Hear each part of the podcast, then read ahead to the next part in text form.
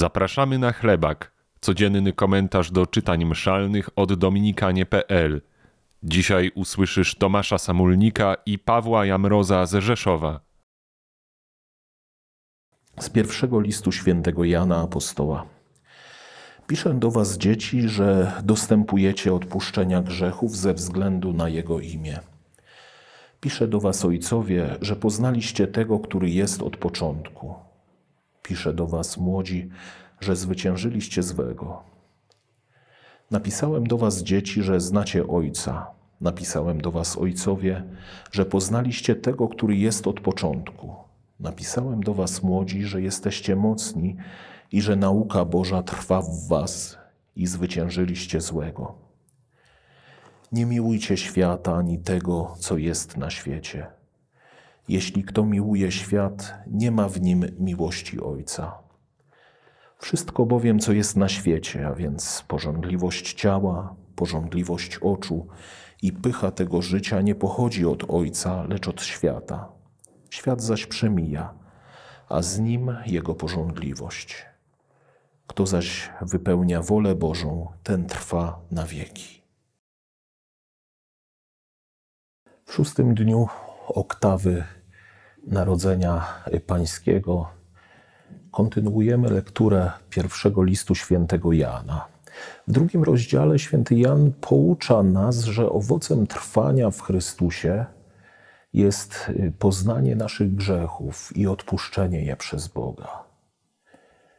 Y, poznanie, wyznanie i wówczas może dokonać się odpuszczenie.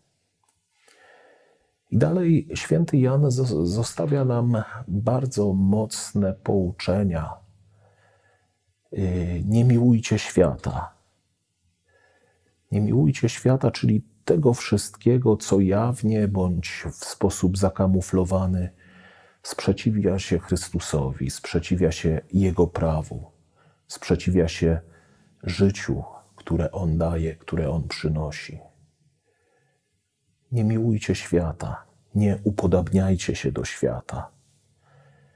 Y, nie miłujcie tego, co świadomie sprzeciwia się Chrystusowi, a co w dalszej konsekwencji jest niszczące dla nas samych.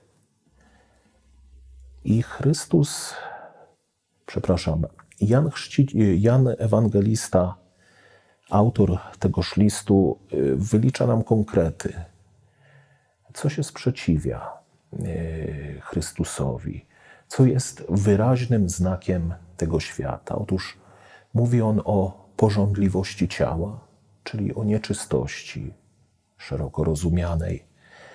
Mówi o porządliwości oczu, czyli chciwości, y, nieuporządkowanego odniesienia do rzeczy materialnych, ale również do innych ludzi oraz pycha tego życia.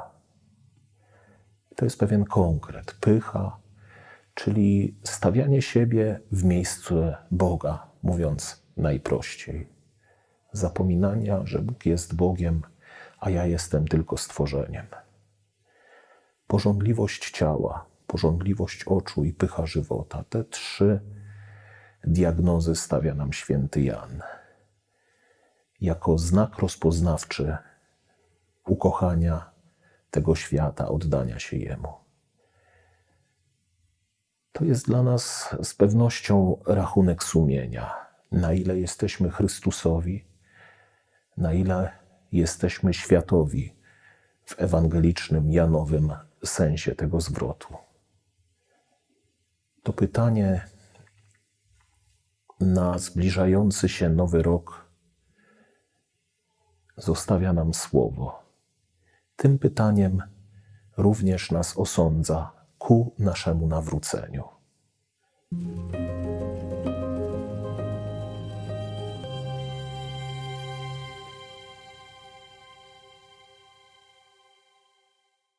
Z Ewangelii według świętego Łukasza.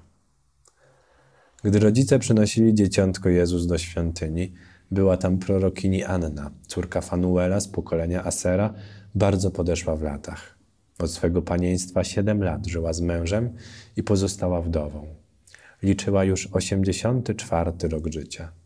Nie rozstawała się ze świątynią, służąc Bogu w postach i modlitwach dniem i nocą. Przyszedłszy w tej właśnie chwili, sławiła Boga i mówiła o nim wszystkim, którzy oczekiwali wyzwolenia Jerozolimy. A gdy wypełnili wszystko według prawa pańskiego, wrócili do Galilei, do swego miasta Nazaret. Dziecię zaś rosło i nabierało mocy, napełniając się mądrością, a łaska Boża spoczywała na nim.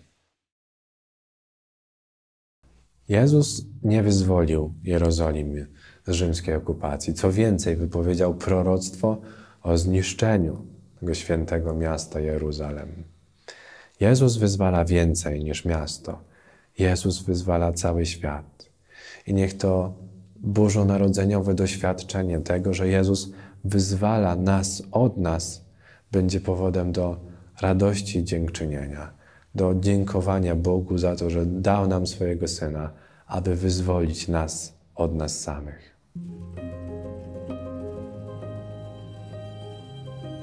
Ten chlebak powstał dzięki hojności naszych patronów. Dziękujemy.